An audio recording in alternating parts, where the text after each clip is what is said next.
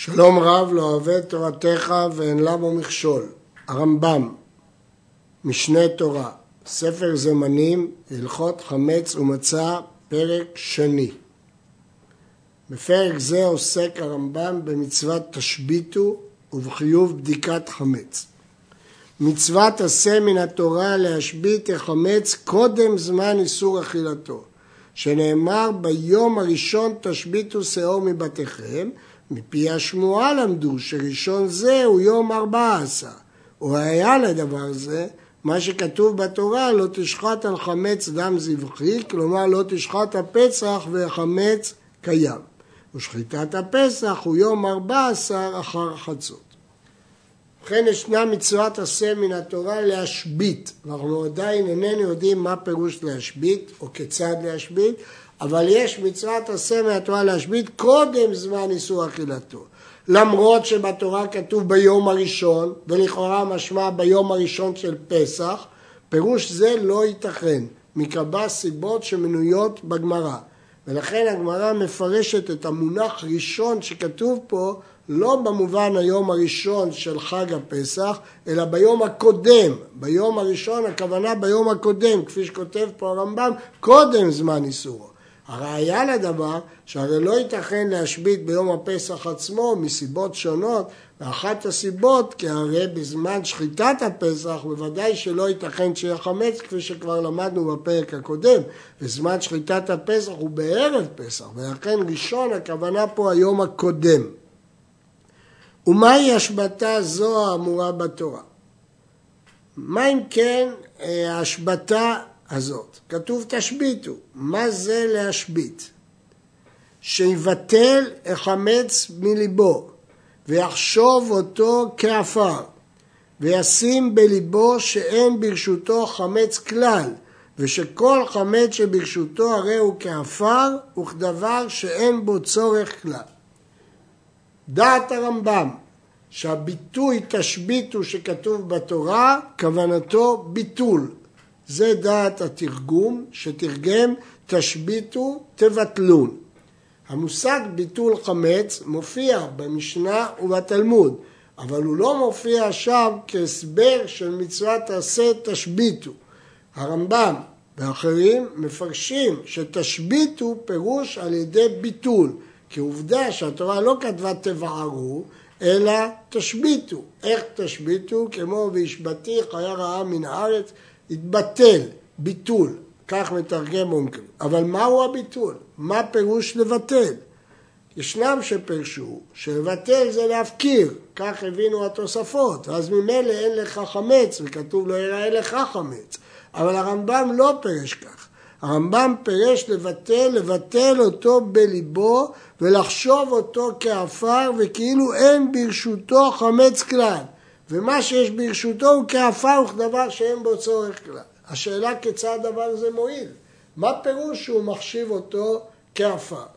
מסבירים הראשונים שכיוון שהתורה אסרה חמץ בהנאה, הרי באמת אין בו שום שימוש. ואם אדם מסכימה דעתו לדעת תורה שהוא כדבר שאין בו צורך כלל או כעפר, הרי שכבר הוא הופך דבר שאין בו צורך. הרלב"ג מפרש באופן אחר. שחמץ שאסרת תורה הוא חמץ שמתפקד בתור אוכל, אבל אם החשבת את החמץ לעפר זה איננו אוכל, ואם זה איננו אוכל לא זהו החמץ שאסרה תורה. כמובן כל הדין של ביטול מועיל רק לבל ייראה ובל יימצא, לא לאיסורי אכילה, אלא לבל ייראה ובל יימצא.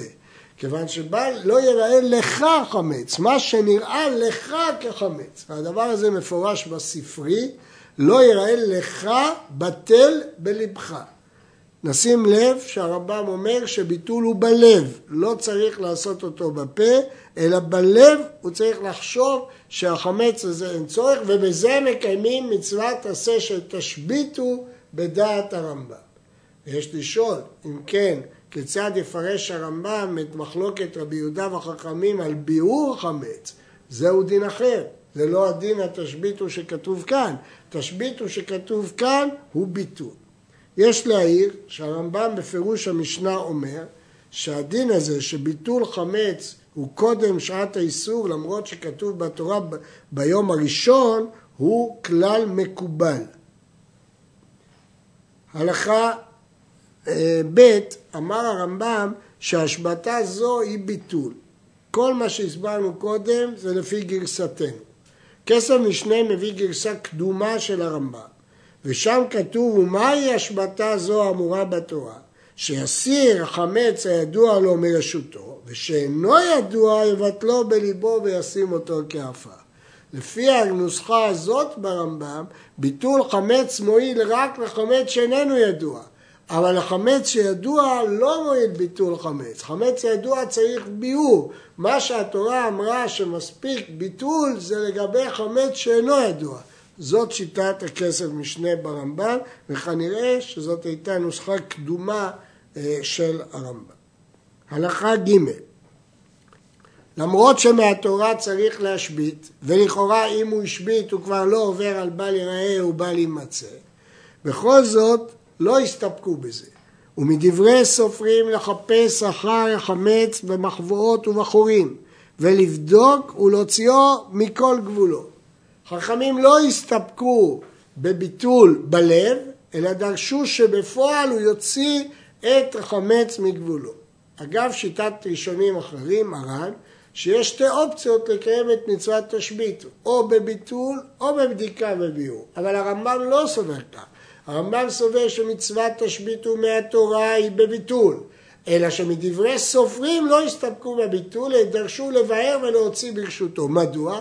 היות וחמץ הוא דבר חמור, כיוון שחייבים עליו כרת ויש חשש לאוכלו ורואים שהתורה החמירה בו, גם חכמים לא הסתפקו בביטול ודרשו שיוציא אותו, שלא יבוא לאוכלו. טעם שני אפשר לומר, שמא לא ביטל בכל ליבו, הרי הביטול הוא בלב והוא תלוי בכוונת הלב, ואולי הוא לא ביטל בכל ליבו, ולכן דורש הרמב"ם לא רק שיבטל, אלא מדברי סופרים דרשו גם להוציא מרשותו. וכן מדברי סופרים, נוסף לחיוב להוציא את החמץ מרשותו, לבאר אותו, בודקים ומשביתים החמץ בלילה מתחילת ליל 14 לאור הנר. דרשו זמן קבוע, ליל 14 ולאור הנר. מפני, למה תקנו את התקנה הקבועה בצורה הזאת? שבלילה כל העם מצויים בבתיהם, ואור הנר יפה לבדיקה. שני טעמים. טעם אחד שבלילה אנשים נמצאים בבתיהם, טעם שני כי אור הנר מועיל לחורים ולסדקים והוא יפה לבדיקה. ואין קובעים מדרש בסוף יום שלושה עשר.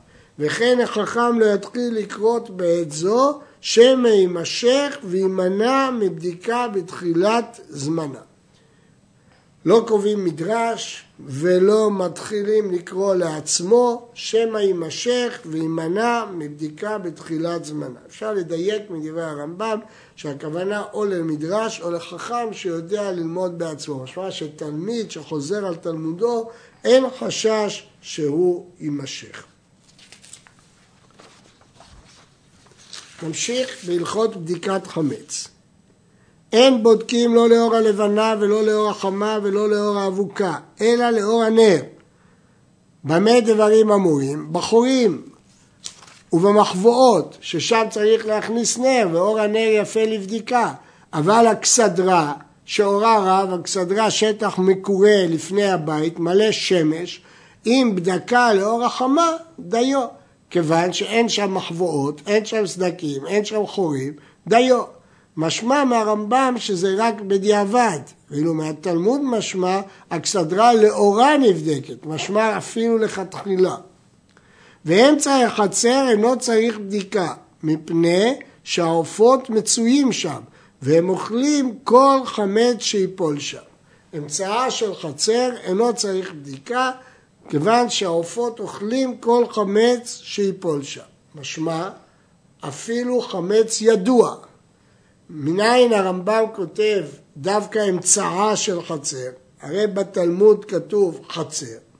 נראה לומר, הגמרא במהלך הסוגיה תרצה אלא לצדדים, והמפרשים פירשו לצדדים, הכוונה לצדדים של ערובה. אבל הרמב"ם למד שאלא חוזר על כל הסוגיה. לצדדים של חצר צריך בדיקה, אבל אמצעה של חצר אינו צריך בדיקה מפני שהעופות אוכלים. נפקא מינה מהדיוק הזה, שכל מה שאני יכול לסמוך על אכילת העופות זה באמצעה של חצר.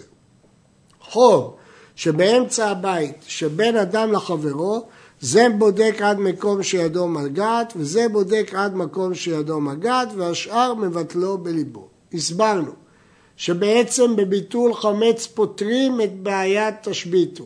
וכל הבדיקה והביאור היא תקנת חכמים, ולכן מקום שזה טורח לא הצריכו חכמים. וכל מקום שאין מכניסים לו חמץ אינו צריך בדיקה. הלכה במשנה שכל מה שצריך בדיקה במקום שידוע שמכניסים בו חמץ. נדגיש שבחלק מכתבי היד והדפוסים נוסף משפט אבל חור שבין ישראל לגוי אינו בודק כלל, שמא יאמר הגוי כשפים הוא עושה לי. הלכה זו מפורשת בגמרא בשם פלמו, יש נוסחאות שהיא הושמטה והמפרשים שואלים למה הושמטה, ויש נוסחאות ברמב"ם שהיא מופיעה. הלכה ו' חורי הבית התחתונים והעליונים וגג היציע ורפת בקר ולולין ומתבן ואוצרות יין ואוצרות שמן שאינו מסתפק בהם ובית דגים גדולים אינם צריכים בדיקה אלא אם כן הכניס להם חמץ.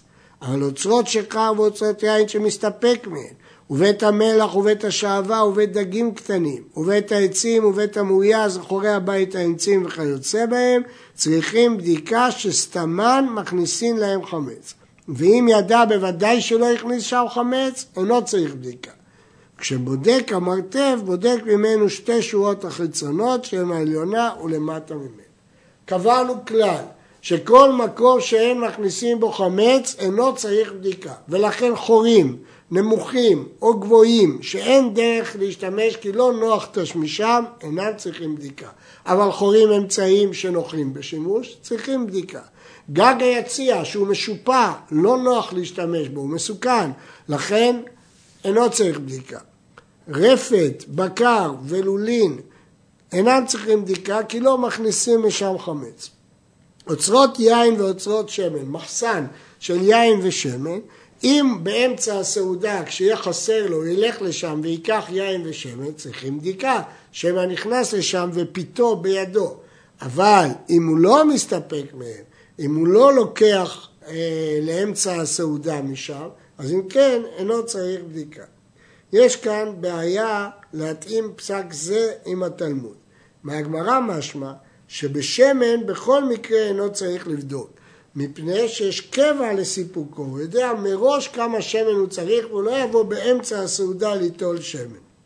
ולכן המגיד משנה גורס ברמב"ם אוצרות שמן ואוצרות יין שאין מסתפק מהם. כלומר שבאוצרות שמן בכל מקרה לא צריך בדיקה, כי יש קבע לשימוש. אחרים מפרשים שהרמב"ם לא חילק, אלא הכל תלוי אם מסתפק או איננו מסתפק.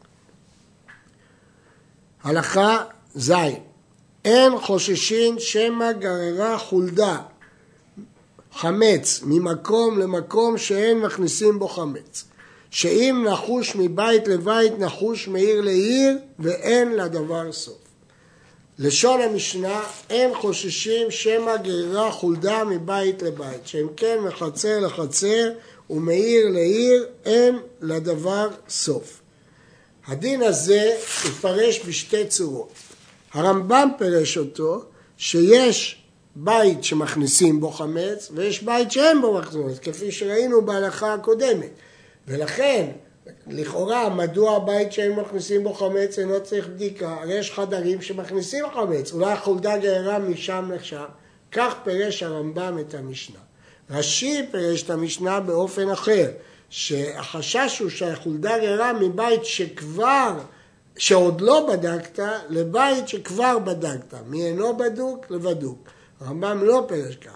הרמב"ם פירש ממקום שמכניסים בו חמץ למקום שאין מכניסים בו חמץ. וזה יותר, אה, יש ראיות לדברי הרמב"ם ויש ראיות גם לדברי רש"י מפשט המשנה. בדק ליל ארבע עשר והניח עשר חלות ומצא תשע, הרי זה חושש, כן חוששים שמא גררה חולדה. וצריך לבדוק פעם שנייה, שהרגע גרר חולדה או עכבר, בוודאי. יש לי ראייה שוודאי החולדה העכבר גררו, למרות שלא ראיתי אותה, כי אני יודע ששמתי עשרה, עשר כיכרות, כפי לשון הרמב"ם, והרי מצאתי תשע, אז אם כן כיכר אחת חסרה, ברור שהעכבר גרר אותה. אם כן, כאילו ראיתי שהוא גרר אותה לחדר אחר. כל הסיבה שלא חששנו, מכיוון שלא ראינו. אבל כאן, שראינו, חוששים. אבל בסתם, אם הוא לא יודע אם חסר או לא חסר, לא צריך בדיקה. וכן, אם ראה עכבר שנכנס לבית וחצר בפיו, אחר הבדיקה, הוא ראה בפירוש העכבר נכנס, צריך לבדוק פעם שנייה, כי פה הוא ראה בבירור, לא שייך אין חוששים, ראית שנכנס עכבר. אף על פי שמצא פירורים באמצע הבית, אין אומרים כבר אכל הפת מקום זה והרי הפירורים ואכן פתרתי את הבעיה, הוציא את הפירורים וזהו. לא. אלא חוששים שמא הניחה בחור או בחלון, ואלו הפירורים שם היו, ולפיכך חוזר ובודק. אם לא מצא כלום, הרי זה בודק כל הבית. ואם מצא אותה הפת שנטלה עכבר ונכנס, אינו צריך בדיקה. הרי יש פירורים, ולכן יש חשש שהכיכר נמצאת במקום אחד והפירורים הם אחרים. ולכן עד שהוא לא ימצא את הכיכר עצמה שנטל אותה עכבר, עדיין צריך בדיקה של כל הבית כולו. הלכה ט' ראה תינוק שנכנס לבית בדוק ובידו כיכר ונכנס אחריו ומצא פירורים, אינו צריך בדיקה. שחזקתו שאכלה אכלה, ואלו הפירורים שנפלו ממנו בשעת אכילה. מדוע בהלכה הקודמת לא תלינו את הפירורים בכיכר שאכל עכבר, וכאן כן תולים את הפירורים בתינוק, שדרך התינוק לפרר בעת אכילתו, ואין דרך עכבר לפרר. ואם לא מצא פירורים כלל, צריך לבדוק, כי הוא ראה בוודאות שהתינוק נכנס. כללו של דבר. אם אינך יודע בוודאות, אין חוששים, שאם כן אין לדבר סוף. אבל אם אתה ראית עכבר נכנס, או תינוק נכנס, או שמצאת פחות חלות ממה שהנחת, הרי ההנחה הוודאית פה שיש חמץ בבית, ולכן אתה צריך בדיקה. לגבי פירורים, תלוי. בתינוק אני תולה בפירורים, כי דרך תינוק לפורר בשעת אכילתו, אבל בעכבר אינני תולה בפירורים. הלכה י' הניח תשעה ציבורים של מצה ואחד של חמץ, ובא העכבר ונטל, ולא ידענו אם חמץ, אם מצה נטל, ונכנס לבית בדוק, צריך לבדוק שכל הקבוע כמחצה על מחצה דן. כלל יסודי בהלכות ספקות. כל דה פריש מרובע פריש, וכל הקבוע כמחצה על מחצה. כאשר הספק מתעורר על פריט מתוך קבוצה קבועה, דנים את הספק כספק שקול. ועל כל דבר אנחנו שואלים האם הוא חמץ או האם הוא מצה. שאר הפריטים שבקבוצה אינם תורמים לנו כלום, מכיוון שאין פה פרישה מקרית מרוב, אלא העכבר בא למקום אחד, קבוע. וכאן הרוב לא מועיל, ולכן במקרה של הלכה י' שהעכבר נטל ואנחנו לא יודעים ממה, אפילו שתשעה ציבורים של מצה ורק אחת של חמץ, איננו תולים שכל דה פריש מרובע פריש, אלא כיוון שבא למקום הקבוע, דינו כקבוע, כמחצה על מחצה ואסור, וצריך לבדוק את כל הבית. הרעב"ד שואל, הרי יש פה ביטול חמץ. ואם כן, כל בדיקת חמץ היא מדרבנן. וכיוון שכל בדיקת חמץ היא מדרבנן, מדוע צריך לבדוק? הרי ספקא דרבנן לכולה. מתרץ המגיד משנה שדעת הרמב"ם שחכמים החמירו בבדיקת חמץ, כי כולה נתקנה על הספק. בשביל מה בודקים? הרי ביטלת, אולי לא ביטל כל ליבו, אולי יש פירורים. כיוון שנתקנה על הספק, אז מחמירים בה בספקות. הלכה י"א שני ציבורים, אחד חמץ ואחד מצה, ושני בתים, אחד בדוק ואחד שאינו בדוק, ובאו שני עכברים, זה נטל חמץ וזה נטל מצה, ואין ידוע לאיזה בית נכנס זה שנטל חמץ. וכן שני בתים בדוקים וציבור אחד חמץ, ובא עכבר ונטל, ואין ידוע לאיזה בית נכנס, או שידע שנכנס לאחד מהם, ונכנס אחריו ובדק ולא מצא כלום, או שבדק ומצא כיכר, בכל אלו אינו צריך לבדוק פעם שנייה, שאין כאן קבוע. הדין הזה של שני ציבורים ושני בתים הוא מוסכם, שתולים שהמצה נכנסה לבית הבדוק והחמץ לבית שאינו בדוק, אבל הנימוק הוא לא מוסכם. הרמב"ם נימק שהנימוק שאין כאן קבוע, ועל זה מקשה הראב"ד, מדוע אין כאן קבוע? הרי העכבר נטל ממקום קבוע, בדיוק כמו ההלכה הקודמת, ואינני יודע לאן הוא נכנס. כל הסיבה שמקלים במקרה הזה, מפני שתולים, יש לי במה לתלות, וכיוון שאני יכול לתלות, אני לא יודע לאיזה בית נכנס, אני לא יודע לאן נכנס החמץ ולאן נכנסה המצה, כיוון שיש לי לתלות זה כולה בדרבנן שתולים וכך משמע מן הגמרא. מדוע הרמב"ם מפרש שאין זה קבוע? הסבר נאה לדבר זה אפשר למצוא בספר יד פשוטה לרב נחום אליעזר רבינוביץ'. בדין השני שכתב הרמב"ם, ששני בתים שלא ידוע לאיזה מהם נכנס. הגמרא אומרת שדין זה דומה לדין שני שבילים שהלכו שני אנשים בהם ובאחד ישנה טומאה ואין ידוע מי הלך באיזו דרך. המסקנה לכאורה של המשנה שם בדעת רב, יש מחלוקת רבי יוסף ורבי יהודה. והגמרא שם למסקנה מחלקת בין אם באו להישאל כאחד לבין אם בזה אחר זה. שכשבאו להישאל כאחד אי אפשר לעשות סתירה ולומר ששניהם טהורים, זאת סתירה גלויה, רק כשהם באו כל אחד בפני עצמו. שואלים המפרשים, כיוון שזה מקורו של הרמב"ם, מדוע גם כאן הרמב"ם לא חילק אם באו שני הבתים לשאול כאחד, או שהם באו בזה אחר זה. מתרץ כסף משנה, שם זה חומרה מן התורה. מדוע? ש... סליחה. גם בטומאה באמת שניהם טהורים, אלא שם זה חומרה מדרבנן. חמץ, כיוון שכל דין בדיקת חמץ הוא מדרבנן, כי מהתורה הוא ביטל, הקלו רבנן ולא הצריכו את שניהם. בספר יד פשוטה מבאר שבטומאה הדבר נראה כסתירה, מכיוון שזה נראה כשקר, שהרי ודאי אחד מהם נתבע. אבל בבדיקת חמץ אין זה נראה כשקר, כי אפשר לתלות שהעכבר אכל את החמץ. לגאון מווילנה יש תירוץ אחר. אבל הרמה בשולחן ערוך, בהגאות, חולק על דין זה ואומר אכן שבאו שניהם להישאל בבת אחת מחמירים עליהם לבדוק שוב. הלכה י"ב הניח החמץ בזווית זו ומצאו בזווית אחרת, או שהניח תשע חלות ומצא עשר, או שהיו תשעה ציבורים מצה ואחד חמץ, ופרש כיכר אחד מהם, ואין ידוע אם חמץ עם מצה, ובא עכבר ונטל לכיכר שפרש ונכנס לבית בדוק, או שבא עכבר ונטל לחמץ, וספק נכנס לבית זה, הוא לא נכנס, בכל אלו צריך לבדוק. נבדוק את כל, מקרה מקרה. המקרה הראשון שהוא הניח חמץ בזווית זו, מצא אחרת, או הניח תשע ומצא עשר. הגמרא דנה בשאלה זאת. האם נאמר כאשר יש שינוי במקום או בכמות של החמץ, שמדובר בכל אופן באותו החמץ שהשאיר, או שמדובר בחמץ אחר. הרמב"ם פסק בשני המקרים האלה לחומרה שחוששים שמא לא מדובר באותו חמץ וצריך לבדוק שנית.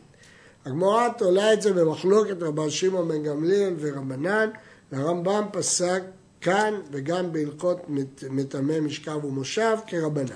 על דעת הראב"ד לפסוק כשיטת רבן שמעון בן גמליאל. הדין השני תשע, תשעה ציבורים של מצה ואחד חמץ, ופרש כיכר בהם. ידוע לנו שבפרש הולכים אחרי הרוב. עכשיו, אם העכבר נטל כיכר שפרש ונכנס לבית בדוק, הרמב"ם פוסק שצריך לבדוק. מדוע? הרי יש כלל כל דה פריש מרובע פריש. וגם מפורש בגמרא שלא צריך לבדוק במקרה הזה. לכן המגיד משנה הפך את המקרה לתשעה ציבורים של חמץ ואחת של מצה. כיוון שבאמת קשה ליישב את הגרסה הזאת ברמב"ם אם נגרוס תשעה ציבורים מצה, כי כל דה פריש מרובה פריש. גם השולחן ערוך אה, פסק להלכה שלא צריך לבדוק, כיוון דכל דה פריש מרובה פריש. רבנו מנוח מביא דעה שכל דה פריש מרובה פריש זה רק שנמצא במקום של הרוב. אבל אם העכבר נכנס לבית אחר, כבר לא אומרים כל דה פריש, ודינו כספק שקול. אבל כפי שאמרנו, השולחן ערוך והמגיד משנה משנים את הגרסה ופוסקים שכל דה פריש מרובע פריש.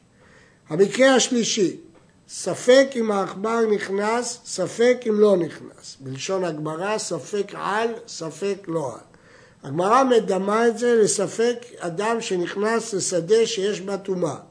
רבי אליעזר מתאר, החכמים מטמאים, והלכה כחכמים. אבל רש"י אומר, בבעל המאור, שלמרות שהלכה כחכמים, כיוון שכאן זה רק ספק דה רבנן בבדיקת חמץ, מקלים. הרמב"ם לשיטתו, שבכל בדיקת חמץ נתקנה על הספק, וכיוון שפסקנו כדעת חכמים שמטמאים, גם כאן למרות שזה דה רבנן, זה נתקן על הספק, ולכן אה, גם במקרה הזה הרמב"ם מצריך בדיקה.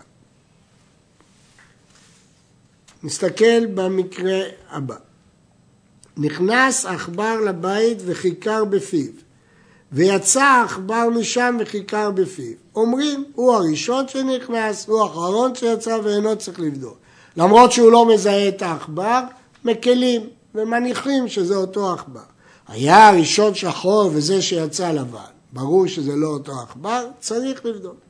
נכנס עכבר וכיכר בפיו, ויצא, ויצאת משם חולדה וכיכר בפיה, צריך לבדוק, כי זה לא אותו עכבר. יצאת ועכבר וכיכר בפיה, אינו צריך לבדוק, שזה הכיכר, הוא שהיה בפי העכבר. נחש שנכנס לחור ופת בפיו, אינו חייב להוציא חבר, איש מקצוע, לטפל בנחשים, הוא לא חייב להוציא, כי זה הכל דה רבנן, הוא ביטל את החמץ, כיוון שהאיסור הוא דה רבנן, הקלו ולא הצליחו להביא מומחה לנחשים כדי להוציא את החמץ מן החור. כזית חמץ ושמי קורה, מחייבים אותו להביא סולם להורידו, שפעמים ייפול משמי קורה. לא מסתפקים בביטול חמץ, כי אולי זה ייפול, וחכמים חייבו בדיקה וביאור שלא יבוא לאוכלו. אבל היה חמץ בבור, אין מחייבים אותו להעלותו, אלא מבטלו בליבו ודיו. אבל הוא זקוק בביטול, למרות שהוא נמצא בבור. הרב"ד מקשה, הרי אסור להטמין בבורות. אומר המגיד משנה, לא מדובר פה שהוא הטמין בבור, מדובר שהיה חמץ בבור. לא שהוא לכתחילה מטמין, אלא חמץ נפל לתוך הבור, ולכן אין פה שאלה. הלכה ט"ו, כיפת שאור, דהיינו גוש חמץ של שאור, שייחדה לישיבה, רצה להפוך את זה לסוג של אצטבה לשבת עליה. אם תח פניה בתית, הרי זו בטלה ומותר לקיימה. נדגיש, זה לא כמו ביטול חמץ רגיל שמספיק במחשבה להחשיב אותו לעפר. פה צריך מעשה ממש, לטוח את פניה בתית כדי שיהיה מותר לקיימה. משמע מכאן שאפילו חמץ שהוא לא חשב במאכל זה לא מספיק, הוא צריך לעשות בו פעולה. ופוסקי זמננו מתלבטים בחמץ שאדם לא מתייחס אליו למאכל אלא לצרכים אחרים כמו תמונה או כמו מילוי של כרית חימום וכדומה. מכאן משמע שרק אם עשה פעולה הוא יכול להוציא את זה מכלל חמץ. בצק שבסדקי הערבה של השימבה, אם יש כזית במקום אחד, חייב לבאר, ואם לאו, אם היה עשוי לחזק בו שברי ערבה או לסתום בו נקב, בטל במיעוטו, ואם לאו, חייב לבאר. מוכח מהרמב"ם הזה שאפילו שיש שני חצאי זיתים במקומות שונים, היה חייב לבאר, אפילו פחות מכזית. אלא כל הסיבה שהוא לא חייב לבאר מפני שהם בטלים לערבה, הם עשויים לחזק.